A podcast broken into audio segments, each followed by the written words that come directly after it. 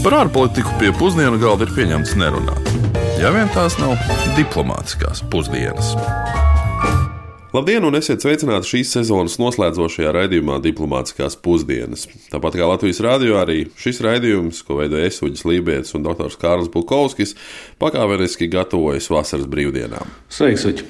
Bet pirms mēs dodamies, cerams, ka saulainā akadēmiskajā atpūtā mums tomēr šodien vēl ir jāpapusdieno. Šodien mēs runājam, ka pusdienosim ar Mongoliju pareizi. Jā, šoreiz mums ēdienkartē ir Mongolija. Valsts, kura pēc iedzīvotāju skaita ir gandrīz tikpat liela kā Lietuva, un par to jau nu gan dzirdējuši ir pilnīgi visi. Jā, un tāpat kā Lietuva, arī Mongolija šobrīd ir diezgan maza valsts, spriežot pēc iedzīvotāju skaita, bet nu, ar iespaidīgu impērisko vēsturi.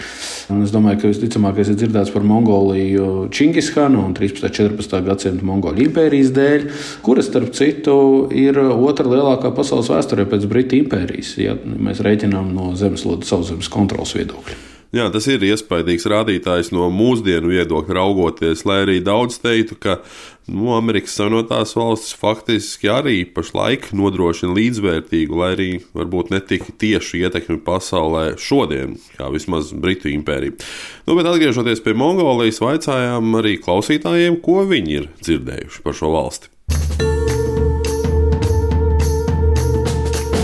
Man Mongolija, protams, asociējas visvairāk ar viņu kādreizējo impērijas līderi Čingishanu, kā arī ar viņu saudabīgo huņu dziedātājiem. Mongolija man asociējas ar tūkstošiem pirmām kārtām.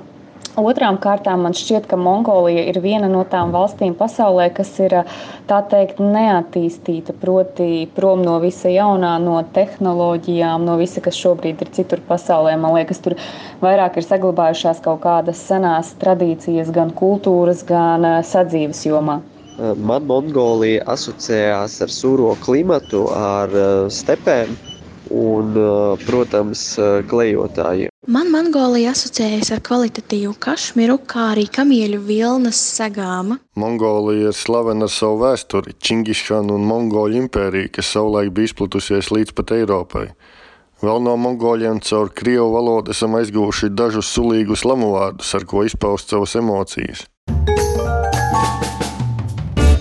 Klausītāju viedokļi ir līdzīgi, kā mēs jau arī nedaudz paredzējām. Senā Mongolija ir zināma, bet modernā visai maz pazīstama.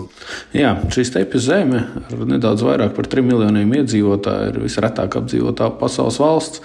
Un, principā, divi cilvēki uz kvadrātkilometru. Nu, pat Latvija ar tās izdaudzināto nepatiku pret kaimiņiem, nu, mēs esam daudz ciešāk apdzīvoti. Jā, lai cik tas smieklīgi nebūtu. Izvēlējāmies gan mēs šodien runāt par Mongoliju ne tikai tās iespaidīgās vēstures dēļ, bet arī tās uh, gaidāmo parlamentu vēlēšanu dēļ. Un, protams, šī pusprezidentālā parlamentārā republika mūs piesaistīja ar to, ka tieši mūsu Jāņos ir paredzēts parlamentu vēlēšanas. Un valsts lielajā Huralā ir 76 deputātu vietas, kuras tad arī jāizpilda 24. jūnija vēlēšanās. Un valstī ir vesela virkne ekonomisko un arī sociālo izaicinājumu, kurus nākamajam parlamentam nākotnē arī būs jārisina. Mongolijas ekonomika nav bijusi pat ražīgākā, neskatoties uz visai ievērojamiem derīgo izraktīju krājumiem. Tieši ārvalstu investīcijas un eksports uz ārvalstīm bijis pamatu tam, ka vāra, zelta, arī ogļu, flora, urāna un citu minerālu eksports ir kļuvis par vienu no ekonomikas balstošajiem pīlāriem. Un tieši šis izējuma materiāla eksports ir pārveidojis valsts ekonomiku no tradicionālas lokopības un uh, lauksaimniecības uh, par iegūs industriju valsti. Un līdz tam, ka viens no nozīmīgākajiem eksporta produktiem ir arī darba spēks. Nu, ja mēs tā paskatāmies, tad uh, nozīmīga daļa mongoļu strādā kaimiņu valstīs, sevišķi Dienvidkorejā, un sūta naudu atpakaļ radiem mūsu tēvzemē. Un starp citu, ne tikai nauda, bet arī automašīnas. Viena lieta, ko var novērot Mongolijā ielās, ir mašīnas, kurām stūri atrodas abās pusēs pusēs, vai nu, vai nu labajā vai kreisajā, un tās arī ir daudzas automašīnas no Dienvidkorejas. Bet kopumā 40% valsts IKP veido tieši eksports. Vienlaicīgi valsts ir arī gandrīz simtprocentīgi atkarīga no Krievijas enerģijas resursu piegādēm. Savukārt Ķīna iepērk apmēram 90% Mongolijas preču un resursu. Un, lai arī valstī ir nozīmīgs derīgo izrakteņu atradnes, Apmēram piektā daļa iedzīvotāji tomēr dzīvo uz nabadzības sliekšņa, un tās IKP uz vienu iedzīvotāju ir viena aptuveni puse no Latvijas rādītāja. Jā, no 1990. gada sākumā notikušais Padomju Savienības sabrukums un attiecīgi padomju subsīdiju izbeigšanās Mongolijā un pārējai uz tirgus ekonomiku bija smaga Mongolijā un pārkārtošanās bija visnotaļ lēna. Un ekonomikas atvēršana pasaules valstīm pagājušā gadsimta beigās un ārvalstu investoru ienākšana, tostarp zelta ieguvē, nav bijusi vienkārši pastāvīgas politiskās iejaukšanās dēļ. Arī šobrīd tādēļ Mongolijas centrāla ekonomiska izaicinājuma ir budžeta sabalansēšana un ārvalstu investoru pārliecināšana par investīciju drošumu. Un lielāki izaicinājumi - nepietiekama likumvara un plaši izplatīta korupcija, kas padarījusi arī tiesu sistēmu absolūti neefektīvu. Skatījumu par Mongolijas ekonomikas izaicinājumiem tuvākajos gados mēs vaicājām arī Kazahstānā atrodamās Aplaihanas Universitātes Mongolijas ekspertam Muradam Šamilovam. Борьбу за парламентские места будут вести около 10 политических партий, среди которых крупные политические силы страны, такие как Монгольская народная партия, Демократическая партия Монголии. Cīņā par parlamenta vietām piedalīsies aptuveni 20 politisko partiju. To vidū ir lielākie valsts politiskie spēki - Mongolijas Tautas partija, Mongolijas Demokrātiskā partija, Mongolijas Tautas revolucionārā partija, Republikāņu partija un aktīvā pilsoniskā kustība Tautas griba. Tāpat Pats savu veiksmi šajās vēlēšanās pārbaudīs aptuveni 200 neatkarīgie deputāti. Šīm vēlēšanām nenoliedzami būs ievērojama ietekme uz Mongolijas politisko un ekonomisko attīstību. Sava īpašā geogrāfiskā stāvokļa un sociālo-ekonomiskā attīstības līmeņa dēļ Mongolija var pieskaitīt pie pasaules augošajām ekonomikām. Vidējā darba alga valstī ir ap 160 dolāriem, un iekšzemes koprodukts ir ap 13 miljārdiem dolāru. Starp galvenajām ekonomiskajām problēmām, ar kurām būs jāstrādā jaunajam parlamentam, ir jaunu derīgo izraktiņu ieguves vietu attīstīšana. Tāpat jāmin milzīga atkarība no izaivielu eksporta, vāja produktu eksporta organizācija un šo produktu kvalitātes uzlabošana. Šīs jomas sakārtošana faktiski var atstāt ļoti pozitīvu ietekmi uz visu Mongolijas ekonomiku. Tāpat tautas priekšstāvjiem būs jāpievērš īpaša uzmanība ekoloģiskiem jautājumiem, kuru dēļ jau kādu laiku Mongolijas politiskajā dzīvē arvien lielāku lomu spēlē dažādas pilsoniskās kustības.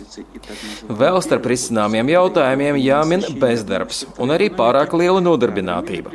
Proti augsto algu dēļ tiek pārsātināti atsevišķi sektori, kas rada kvalificētu kadru iztrūkumu citos sektoros. Deputātiem būs jādomā arī par to, kā restruktūrizēt valsts aizdevumus, kas pēdējos gados ir ievērojami palīdzējuši Mongolijas ekonomikai. Rezumējot, jāsaka, ka galveno zelta, vāra un ogļu ieguvas vietu uzlabošana un jaunu izveidošana prasīs ievērojamas investīcijas, kuras savukārt būs atkarīgas no veiksmīgas jaunās Mongolijas valdības ārējās ekonomikas ekonomiskās politikas.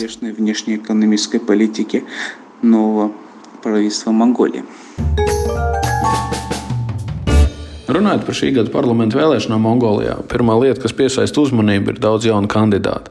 Nācīm redzot, tas liecina par nogurumu no esošiem politiķiem, politisko un korupcijas skandālu visnotaļ plosītajā valstī.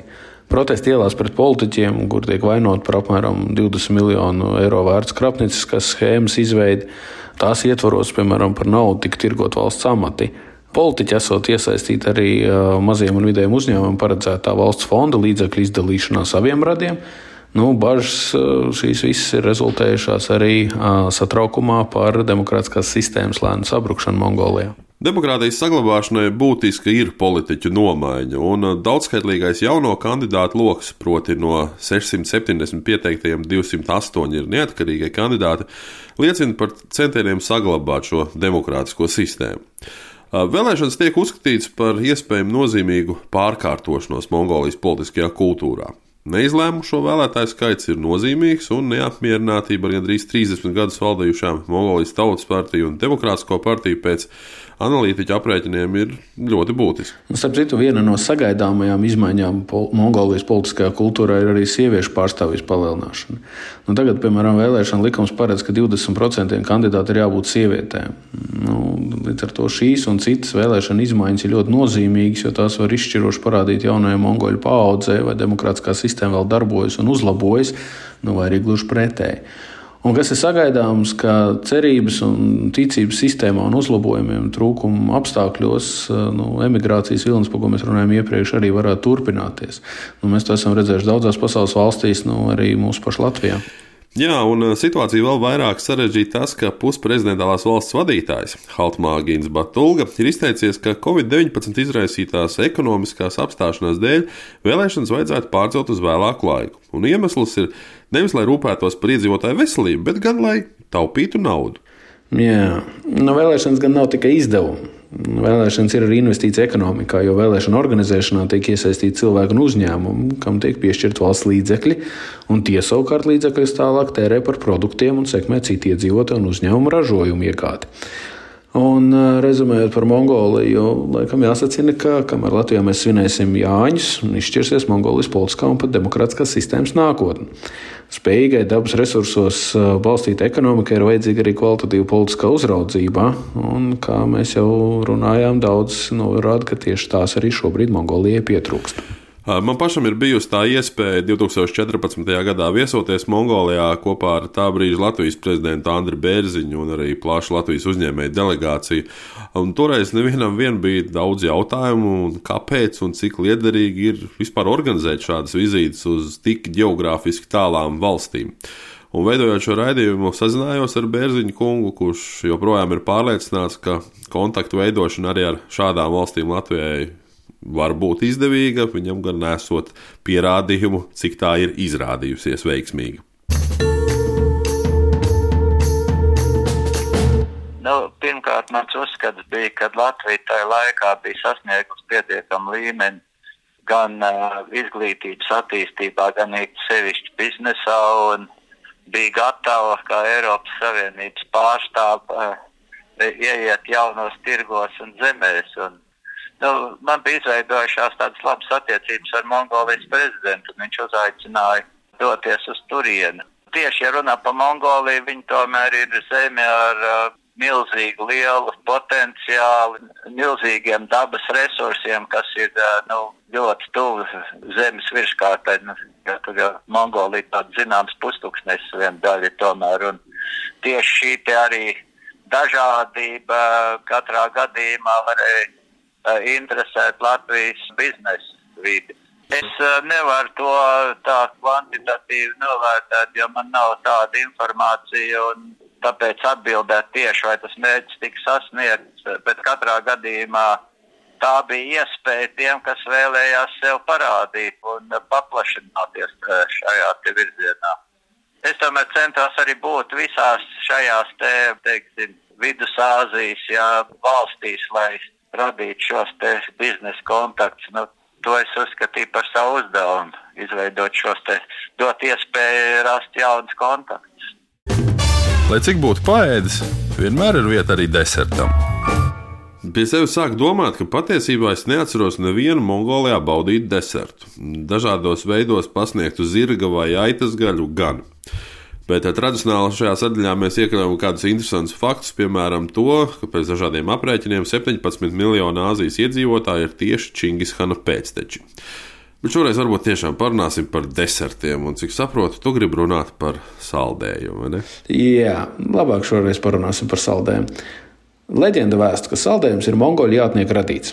Nu, Proti, mongoļu jātnieki dodoties ceļojumos cauri Gobiju tūkstnesim, ņēma līdzi krējumu, kas bija ievietots konteineros, kas bija izgatavot no dzīvnieku iekšā.